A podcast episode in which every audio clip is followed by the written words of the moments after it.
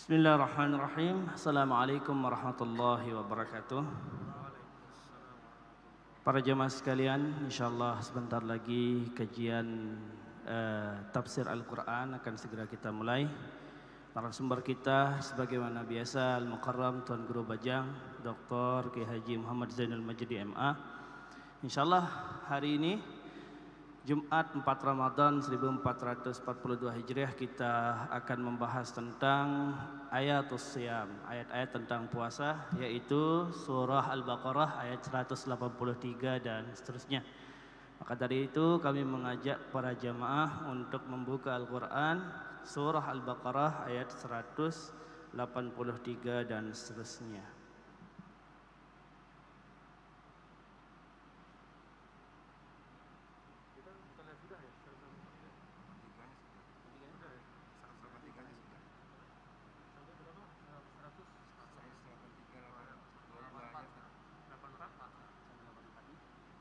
Mohon maaf para jamaah kita lanjutkan 184 insyaallah. Mari kita baca sama-sama, langsung saja kita baca sama-sama tidak dipandu. A'udzu billahi minasy syaithanir rajim. Bismillahirrahmanirrahim. أياما معدودات فمن كان منكم مريضا أو على سفر فعدة من أيام أخر وعلى الذين يطيقونه فدية طعام مسكين. فمن تطوع خيرا فهو خير له. وأن تصوموا خير لكم إن كنتم تعلمون شهر رمضان الذي أنزل فيه القرآن هدى للناس هدى للناس وبينات من الهدى والفرقان. فمن شهد منكم الشهر فليسم ومن كان مريضا أو على سفر فعده من أيام اخر يريد الله بكم اليسر ولا يريد بكم العسر ولتكملوا العدة ولتكبروا الله على ما هداكم ولعلكم تشكرون. صدق الله العظيم.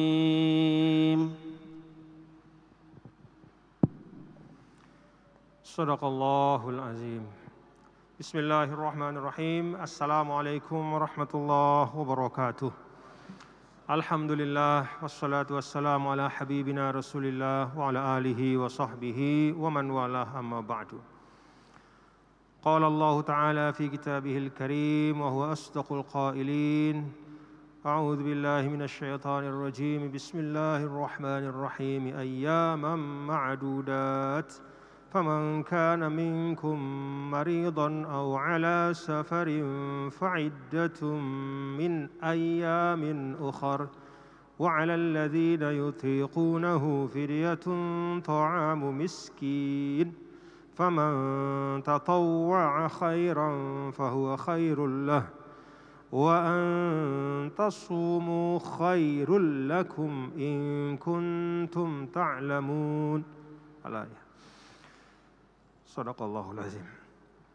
Para jamaah sekalian yang dirahmati Allah, ayat 184 dan 185 yang dibaca tadi, Alhamdulillah merupakan kelanjutan dari ayat yang sudah kita baca minggu yang lalu yang merupakan ayat yang tadullu ala aslil wujub yang menunjukkan pokok dari kewajiban puasa. Jadi ayat yang lalu itu adalah ayat yang merupakan pokok kewajiban puasa. Ya, jadi wajibnya kita puasa adalah dengan ayat yang lalu itu 183 kutiba alaikumus siyam telah diwajibkan atas kalian berpuasa sebagaimana telah diwajibkan atas umat sebelum kalian agar kalian bertakwa. Nah, itu aslul wujubnya di situ.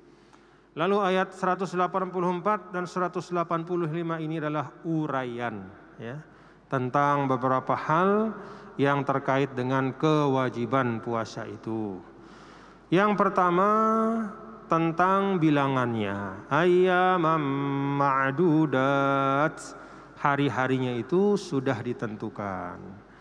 Jadi yang namanya puasa wajib itu harinya sudah ditentukan, ya. Sedangkan kalau yang puasa sunnah itu lebih luas pilihannya. Jadi kalau puasa sunnah itu mulai dari yang paling ringan sampai puasa Daud. Nah, itu silahkan bisa dipilih ya. Tapi kalau puasa wajib, ya, yang memang kewajibannya adalah dari Allah Subhanahu wa taala, itu hari-harinya, bilangannya sudah ditentukan. Ada juga puasa wajib yang bukan dari Allah tapi dari diri sendiri, namanya nazar. Ya. Jadi kalau bernazar, saya bernazar mau puasa tiga hari, kalau saya misalnya ranking satu, misalnya, ah, itu jadi wajib dia. Tapi bukan Allah yang mewajibkan, kita yang mewajibkan. Ya. Maka di situ dipersilahkan ya, mau hari Senin sampai Rebu berturut-turut boleh, atau dari Senin seling selang Rebu selang kemudian nyambung lagi Sabtu ya boleh juga gitu. Ya. tapi yang kewajiban dari Allah Taala yang kutiba alaikumus siam itu ya itu hari-harinya sudah ditentukan. Ayyamam ma'dudat. Ini tentang harinya ya bilangannya 29 atau 30 lalu siapa ya? Umat Muhammad Sallallahu Alaihi Wasallam yang wajib atasnya puasa. Ya. Keadaan-keadaan seperti apa? Ya. فمن كان منكم مريضا أو على سفر فعدة من أيام أخر nah. Jadi penjelasan tentang siapa-siapa yang wajib berpuasa itu didahului oleh Allah dengan pengecualian yang boleh tidak puasa.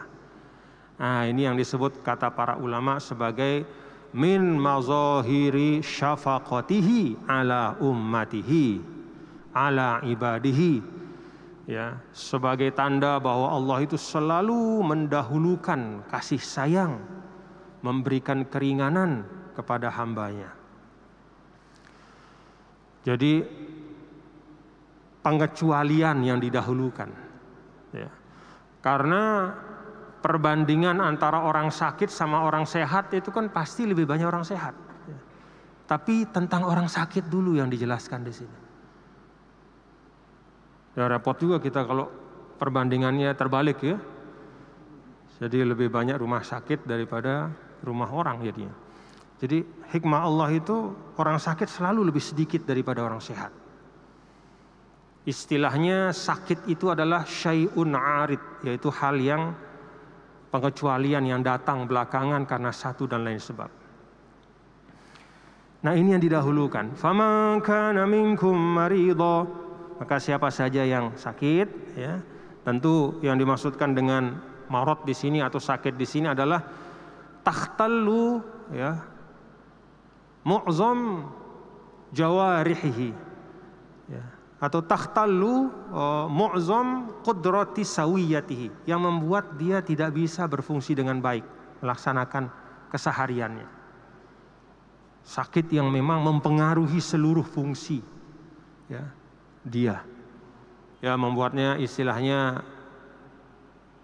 secara sederhana nggak bisa ninggalin tempat tidur lah kira-kira begitu. Tapi kalau sakit yang masih bisa jorak-jorak ya, sakit pusing-pusing sedikit gitu ya.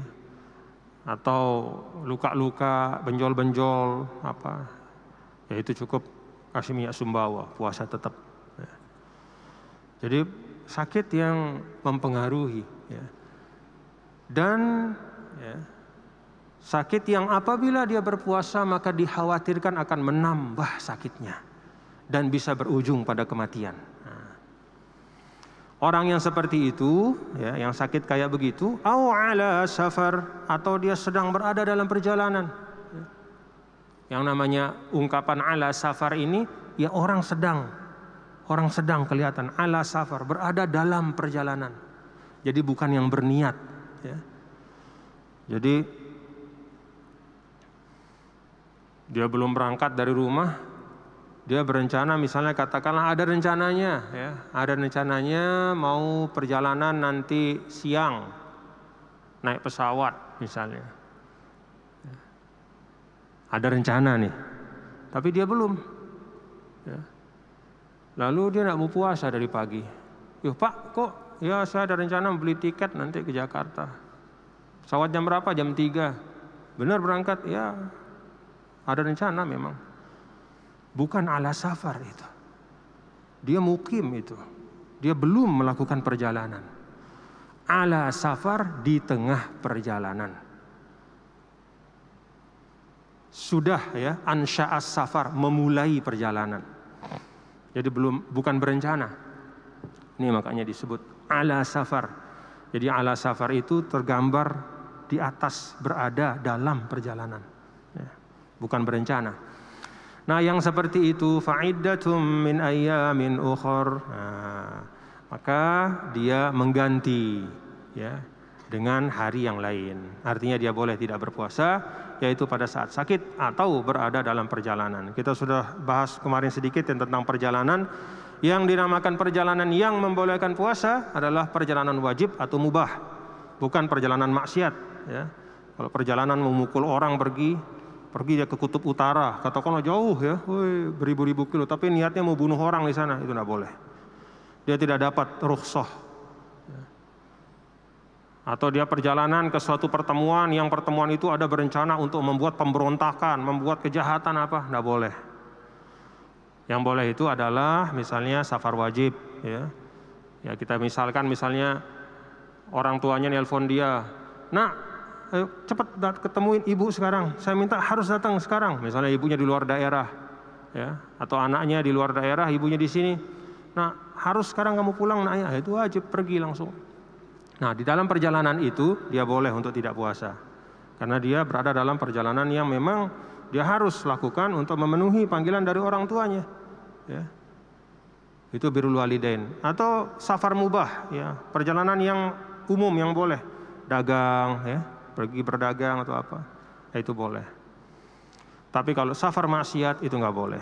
Jadi safar di sini laisa ala itlaqihi tidak boleh dimaknakan secara umum tapi perjalanan yang baik-baik lah kira-kira begitu. 'ala alladziina yutiqunahu fidyatun ta'amu miskin. Dan atas mereka yang nah ini di sini mengadu dua penafsiran ya. Uh, penafsiran pertama mengatakan bahwa wa 'alal ladzina yutiqunahu fidyatun ta'amu miskin. Ini menunjukkan kepada saat di mana puasa itu dulu masih merupakan pilihan bagi yang sehat. Ya. Kalau bagi yang sakit dan yang musafir itu dia tidak boleh tidak berpuasa, maka bagi yang sehat itu ada dua pilihan. Ini awal-awal dulu. Ya. Apa pilihan bagi yang yang sehat itu? Dia punya pilihan dia bisa puasa atau dia bayar fidyah. Islam memang seperti itu Bapak-bapak ya. Banyak bukan hanya masalah puasa, masalah khomer ya, itu ada tahapannya. Tidak langsung diharamkan. Dijelaskan dulu, Pak, yang namanya minuman keras memang ada baiknya. Terutama bagi yang berdagang, dia dapat untung, tapi mudaratnya lebih banyak. Itu pertama. Lalu yang kedua, Bapak-bapak kalau mau sholat, jangan minum ya sebelum sholat Sholat itu kan lima kali. Artinya lima kali dia ditahan untuk tidak minum minuman keras. Arti, artinya apa? Semakin jauh dari hamar. Ya. Baru kemudian di akhir innamal khamru wal maisir wal ansab wal azlamu rijsum min amali syaitan fajtanibu. Baru di akhir kemudian setelah kuat siap, baru kemudian yang namanya khamar itu adalah kotoran setan, jauhi. Nah, itulah Islam ya, termasuk dalam masalah warisan juga kan begitu ya. Artinya harta yang ditinggalkan ya. Dulu kan diwasiatkan, kemudian kemudian diminta untuk diwariskan kepada ahli waris. Nah, itu tahapan-tahapan. Demikian pula ibadah puasa. Ini juga bentuk pendidikan ya. Jadi kalau Allah saja memberikan tahapan dalam mendidik manusia, maka lebih-lebih kita ya. Ketika kita misalnya sebagai orang tua, itu anak-anak kita harus bertahap kita, Bang. Kita sebagai pemimpin di tengah masyarakat untuk mentradisikan sesuatu yang baik, ya, itu harus ada prosesnya. Semua ada prosesnya. Ya. Ini diajar oleh Al-Quran. Nah, sebagian ulama mengatakan wa yutiqunahu fidyatun ta'amu miskin. Ini artinya adalah bagi orang-orang yang mampu, ya, yang mampu, ya, saat-saat awal dulu itu ada dua pilihan, ya. Dia boleh puasa dan boleh juga dia fidyah, yaitu memberikan uh, fidyah ya ganti yaitu makan satu orang miskin ya. Ya kira-kira ukurannya 3 per 4 uh, eh, liter ya atau 600 gram atau 3 per 4 liter lah ya. seperempat daripada zakat fitrah. Ukurannya. Makan orang normal lah kira-kira ya. Jadi bukan makanannya orang yang sekali makan empat piring itu ya jadi makan normal Nah, sebagian ulama yang lain mengatakan bahwa wa yutiqunahu itu adalah juga keringanan yang lain. Ya. Jadi yang tadi kan keringanan bagi orang yang sakit dan dalam perjalanan boleh tidak puasa ganti di hari yang lain. Ada juga keringanan untuk orang-orang tertentu yang berat kalau dia puasa. Dia tidak sakit, ya. dia tidak juga musafir, tapi keadaannya itu memberatkannya untuk puasa. Maka di sini dicontohkan seperti al-harim, orang yang sudah tua sekali. Dia memang tidak sakit, tapi sudah tua sekali. Dia tidak musafir juga, diam di rumah. Bisa dia puasa tapi berat sekali. Nah, di sinilah diberikan fidyatun to'amu miskin. Jadi untuk orang yang tua sekali dia tidak puasa dan dia juga tidak wajib mengkodok, ya, tidak wajib mengkodok, tapi dia bayar fidyah. Itu tidak ada umur yang pasti, ya, tergantung keadaan masing-masing. Ada yang namanya orang tua sudah 85 tahun, seger masih bisa lari dia. Nah, itu puasa dia. Ada yang masih 70 tahun tapi memang sudah dinara tadah bahasa sasaknya. Ya itu bayar fidyah, udah. Jadi tidak ada tidak ada umur. Inilah hikmah Allah ya. Manusia itu beda-beda. Mahathir itu 92 tahun masih sehat dia. Ya, jadi Perdana Menteri kemarin.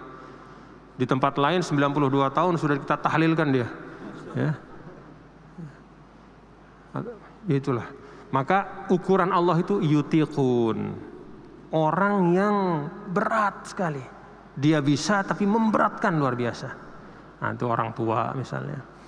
Nah, termasuk juga ibu yang lagi hamil atau yang sedang menyusui. Nah, itu juga menurut sebagian ulama, ya terutama mazhab Hanafi, dia itu boleh tidak dia tidak puasa dan dia tidak mengkodok tapi dia bayar fidyah. Ya. Nah, kalau madhab syafi'i itu ada perinciannya. Kalau dia tidak puasa karena takut pada dirinya, itu ibu yang hamil itu ya, takut pada dirinya, ya dia kodok. Ya. Uh, apa namanya? Dia kodok bayar fidyah. Kalau dia takut untuk dirinya dan anaknya juga seperti itu. Kalau dia hanya takut untuk anaknya, dia hanya bayar fidyah saja. Ada perincian-perinciannya nanti dicek ya. Tapi intinya adalah bagian ayat ini juga merupakan rahmat Allah. Coba perhatikan ya. Bahkan dalam ayat tentang puasa pun yang istilahnya persepsi orang tentang puasa itu kan berat. Tapi yang dikedepankan oleh Allah justru bagian-bagian keringanan. Itu yang didahulukan. Orang yang sakit, orang yang musafir, orang yang narak tadah kalau puasa, terlalu capek, terlalu lelah karena sudah terlalu tua, orang yang hamil, orang yang menyusui, orang yang sakit dan tidak diharapkan dia bisa sembuh. Nah, itu sama seperti orang yang sudah terlalu tua. Orang sakit dalam bentuk sakit yang tidak bisa diharapkan sembuh, dia tidak wajib mengkada. Bagaimana dia mau kada? Sudah tidak bisa sembuh. Orang sakit yang bertahun-tahun sudah di atas tempat tidurnya. Terus setahun, dua tahun, tiga tahun ya anaknya bayarkan fidyah tiap hari. Udah itu cukup. Ya. Karena orang yang sakit yang susah diharapkan sembuh itu sama seperti orang yang sudah sangat tua. Ya. Jadi dia tidak diwajibkan untuk mengkada, cukup bayar fidyah saja. Jadi yang bayar-bayar fidyah itu yang sudah terlalu tua, lagi perempuan, yang sakit, yang tidak bisa diharapkan sembuh, yang hamil, dan yang menyusui ya. Masya Allah coba semua keringanan dulu ya. Dan barang siapa yang menambah ya yang menambah dengan kerelaan hati ya menambah atau mengerjakan dengan kerelaan hati ya kebaikan ya fahuwa khairul lah ya maka itu adalah lebih baik baginya. Nah, ini sebagian ulama mengatakan apa maksud tatawa'ah? Wajibnya adalah untuk satu orang miskin. Tapi kalau Anda kaya, Anda bisa kasih 100 orang miskin untuk satu hari, fidyahnya silahkan. Kira-kira begitu. Orang kaya sekali, punya uang misalnya triliunan, miliaran, sakit, ya, udah nggak bisa sembuh. Nah ahli warisnya, istrinya atau anaknya, itu, itu kasih fidyah kan tidak pantas. Masa 600 gram. Ya. Dibawa ke masjid juga malu kan. Ini pidiah siapa? Oh pidiah bos. Hah? Cuman ah, sekilo lah kadang-kadang. Nah, ngilang-ngilang sih dah kira-kira begitu. Kalau kayak begitu fidyahnya kasihlah ya. Satu kampung lah kasih sehari. Nah itu ini. Jadi Islam itu selalu mengajak kita ya tidak hanya terpaku pada yang wajib, tapi bagaimana wajib itu adalah menjadi titik awal kita untuk meningkatkan, menambah, ya, meningkatkan, menambah. Orang yang baru Muslim ya mohon maaf ya, orang yang baru masuk Islam hari ini atau kemarin ya pantaslah kalau dia misalnya sholat wajib aja yang dia lakukan ya, sholat lima waktu tapi kalau orang sudah Islam 30 tahun, 40 tahun, masa masih malas sholat sunnah? Kan begitu kira-kira ya. Masa bapak-bapak kita ini yang lahir dari orang tua yang Islam, kakek nenek Islam, kok masih malas sholat duha misalnya? Kok masih malas tahajud? Terus beralasan, yuh kan yang wajib cuma lima waktu. Iya, tapi lihat bagaimana Islam mengajarkan kita untuk terus meningkat. Seperti ayat ini. Faman tatawwa khaira fahuwa khairul lahu. Wa antasumu khairul lakum in kuntum ta'lamun. Jadi walaupun di awal-awal Islam itu masih ada pilihan tapi tetap di akhir ayat ini kalau kalian berpuasa itu jauh lebih baik apabila kalian tahu faidahnya. Tadi khotib kita menjelaskan panjang lebar Masya Allah beberapa aspek ya dari puasa. Syahrul Ramadan alladhi unzila masih ada waktunya enggak? Ya ini soalnya Ustadz moderator nih sering ngingetin, udah habis katanya.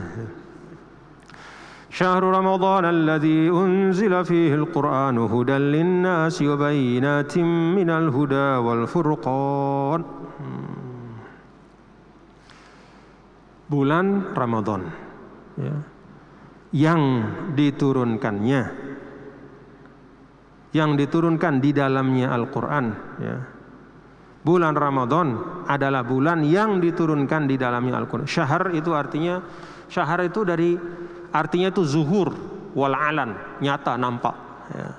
syahar makanya orang yang terkenal itu masyhur. Nah, masyhur itu dari bahasa Arab dari syahar itu ya. Syaharo shin ha ro. Nah itu menunjukkan az-zuhur nyata nampak ya nah karena sesuatu yang nampak itu harus punya tanda, nah, maka Islam ya, menetapkan yang namanya bulan itu ukurannya adalah bulan. Ya. Syahar itu ukurannya bulan, bukan matahari. Karena kita tidak tahu bulan apa kalau lihat matahari saja. Tidak tahu kita awal atau akhir bulan kalau matahari. Matahari itu awal dan akhir hari. Namanya juga matahari, bukan mata bulan. Ya. Jadi asyams, matahari, itu penanda datang dan perginya hari. Tapi kalau sekumpulan waktu, ya, yang namanya satu bulan, ya, yaitu penandanya adalah bulan. Jadi itu yang namanya hilal kan, mulai kelihatan sedikit, nah itu berarti masuk bulan baru.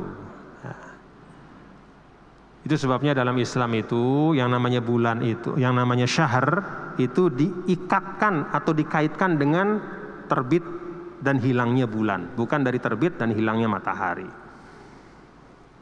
Ya sebenarnya semua begitu. Misalnya bulan Januari, bulan Februari itu istilah saja ya. Tapi kalau yang bulan dalam arti yang benar-benar ya menunjuk kepada kepada apa namanya uh, satu satu Nah, rotasi ya satu rotasi bulan yaitu kelihatannya ya pada waktu komariah itu kan kelihatan jelas dia.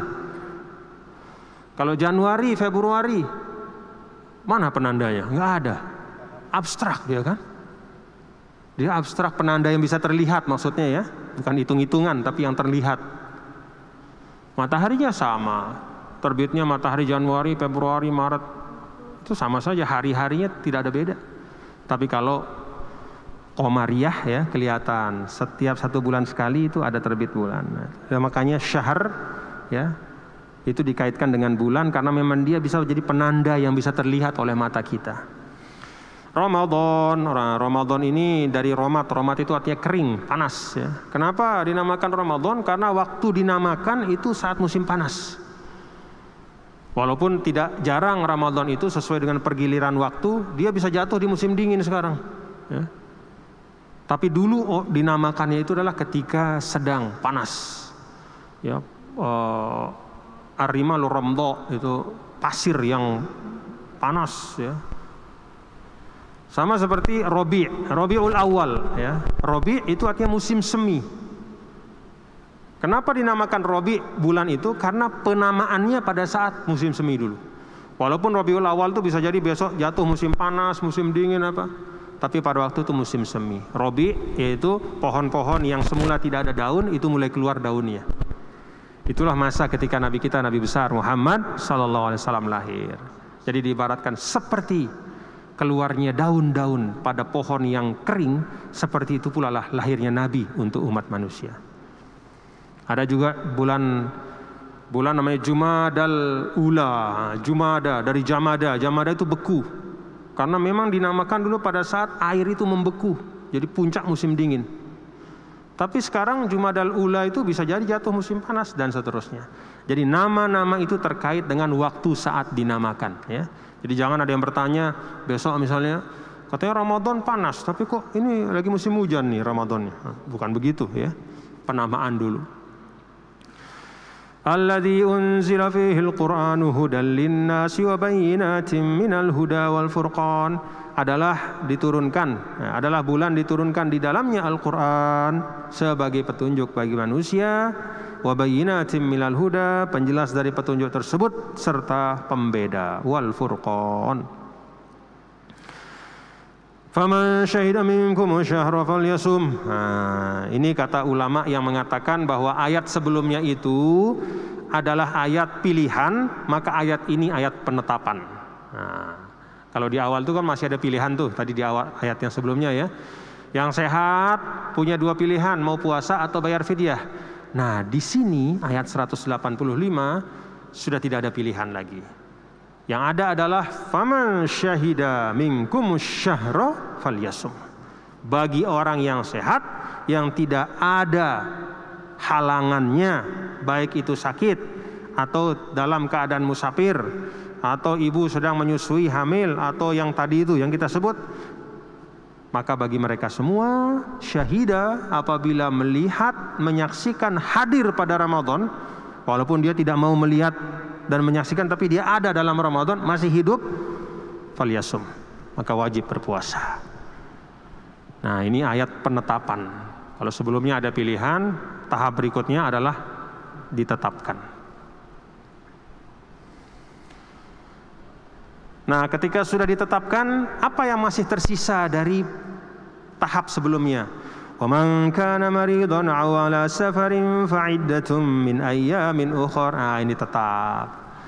Jadi istilahnya menghilangkan keraguan. Ketika turun penetapan barang siapa yang menyaksikan bulan Ramadan atau berada pada bulan Ramadan wajib berpuasa, maka ada keraguan. Terus gimana yang kemarin ada keringanan orang yang sakit dan musafir, apakah juga wajib atau dia tetap diberi keringanan? Nah, di sini dijelaskan bahwa فمن شهد منكم الشهر فليصم ومن كان مريضا أو على سفر فعدة من أيام أخر nah, dan yang sakit, yang musafir itu tetap ya. Jadi ini tetap dari awal sampai akhir tetap ya. Karena apa? Karena sebabnya juga tetap. Ya. Selama ada sebab itu, maka dia mendapat keringanan itu. Selama dia sakit, dapat keringanan. Selama dia musafir, juga dapat keringanan. Yuridullahu bikumul yusra wa la yuridu bikumul usr. Allah inginkan untuk kalian itu adalah kemudahan dan tidak menginginkan untuk kalian itu kesulitan. Masya Allah. Walitukmilul iddata walitukabbirullaha ala ma hadakum walitukmilul iddata dan hendaklah kalian menyempurnakan bilangan ya. Menyempurnakan bilangan ini kata sebagian ulama adalah terkait dengan ketika matahari eh, ketika bulan pada tanggal 29 Ramadan itu belum terlihat ya maka Ramadan harus disempurnakan menjadi 30 Kan biasa orang ru'yah ya, kalau sudah 26 29 sore itu ru'yah. Kalau ada kelihatan bulan berarti besok adalah lebaran ya. Dia puasanya 29. Tapi kalau tidak kelihatan maka berarti besok 30. Nah, ini ayatnya. Walitukmilul iddata. Itu menurut sebagian ulama. Dan hendaklah kalian menyempurnakan bilangan. Walitukabbirullaha ala ma hadakum dan hendaklah kalian mengagungkan Allah atas apa yang telah Ia berikan petunjuknya. Nah, ini kata ulama merupakan dasar juga sehingga Nabi mengamalkan ya bahwa di akhir Ramadan mulai dari malam takbiran ya besok Idul Fitri tukabbiru. Allahu akbar Allahu akbar Allahu akbar. Itulah litukabbiru. Hendaklah kalian mengucap Allahu Akbar, mengagungkan asma Allah. Wala'allakum tashkurun dan agar kalian semua bersyukur. Masya Allah. Bersyukur atas apa? Ya semuanya. Satu perangkat. Nah Bapak Saudara, ya tentu panjang bahasan ya dalam ayat ini. Tapi ada satu hal yang ingin saya garis bawahi di sini ya di ayat yang kita baca syahrul ramadan alladzi unzila fihi alquranu hudal linnas jadi Al-Qur'an itu huda huda itu petunjuk apa sih petunjuk itu nah, kalau kata orang sederhananya ya petunjuk itu asyai al muwassil lil ghayah bi aqsari tariq sesuatu yang menyampaikan Anda kepada tujuan ya, dengan cara yang seringkas-seringkasnya Contoh, ada perempatan nih. Ini kan perempatan ya, di perempatan Udayana ini. Kalau kita dari Ampenan, ya, kemudian kita lihat, misalnya kita dari Ampenan nih, mau ke Rembige, kan berarti kita belok kanan ya, betul ya? Oh kiri ya betul. Asal yaitu lemah saya kanan kiri itu ke kiri ya. Nah, pada saat kita belum tahu ya, kita lihat pelang penunjuk arah di perempatan itu. Ada pelang menunjuk ke depan lurus, tulisannya Rembige. Itu petunjuk enggak? Petunjuk enggak? Hah? Walaupun ya seakan-akan dia memberi petunjuk, tapi dia bukan huda sebenarnya. Karena tidak terpenuhi syarat seringkas-ringkasnya. Benar kalau lurus itu sampai Rembiga juga, tapi lewat kita apa namanya tuh? Suete terus muter ya, lesehan-lesehan di mana tuh? Narmada apa itu apa? ya, sayang-sayang, muter-muter sampai ke Rembiga. Tapi kalau kata orang Sasa sudah ngangkot kita. Kalau jalan misalnya, aduh capek nih. Gara-gara tadi itu saya lihat petunjuk itu saya pikir sampai Rembiga dengan cepat tapi ya sampai juga cuman aduh nah, itu bukan petunjuk yang baik. Petunjuk yang baik adalah di perempatan ini ada anak panah tulisannya Rembiga ke kiri. Tes. Nah, itu sampai cepat. Belok langsung sampai. Nah, Bapak-bapak, yang namanya petunjuk ya. Yang namanya petunjuk itu menjadi sesuatu yang terbaik ya adalah kalau kata ulama nih adalah kalau petunjuk itu pertama datangnya dari yang tidak punya kepentingan.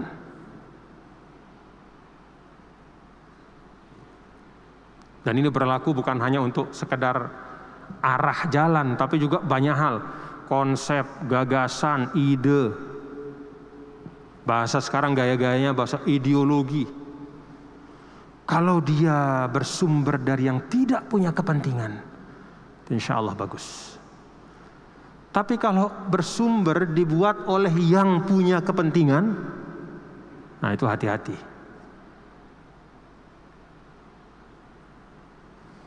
Ada sebagian orang, mohon maaf ya, uh, apa namanya, ingin untuk mendapatkan keuntungan materi sebanyak-banyaknya, kaya secepat-cepatnya. Dia buatlah paham namanya kapitalisme. Itu paham. Ya. Percaya enggak sama kapitalisme itu? Hati-hati. Yang bikinnya itu adalah yang punya kepentingan. Maka kalau ada apa ide gagasan ya. Pastikan bahwa yang membuat ide gagasan itu yang tidak punya kepentingan. Siapa yang tidak punya kepentingan? Allah taala. Jadi Allah Subhanahu wa taala tidak perlu makan tidak perlu harta tidak perlu jabatan tidak perlu oh, ya, hebat ya. Sudah sekarang lebih canggih. Tulisannya ada lima menit lagi katanya. Kemarin ngomong langsung dia ustadz nih lumayan lah berkah puasa. Nah jadi Allah Subhanahu Wa Taala tuh nggak punya kepentingan.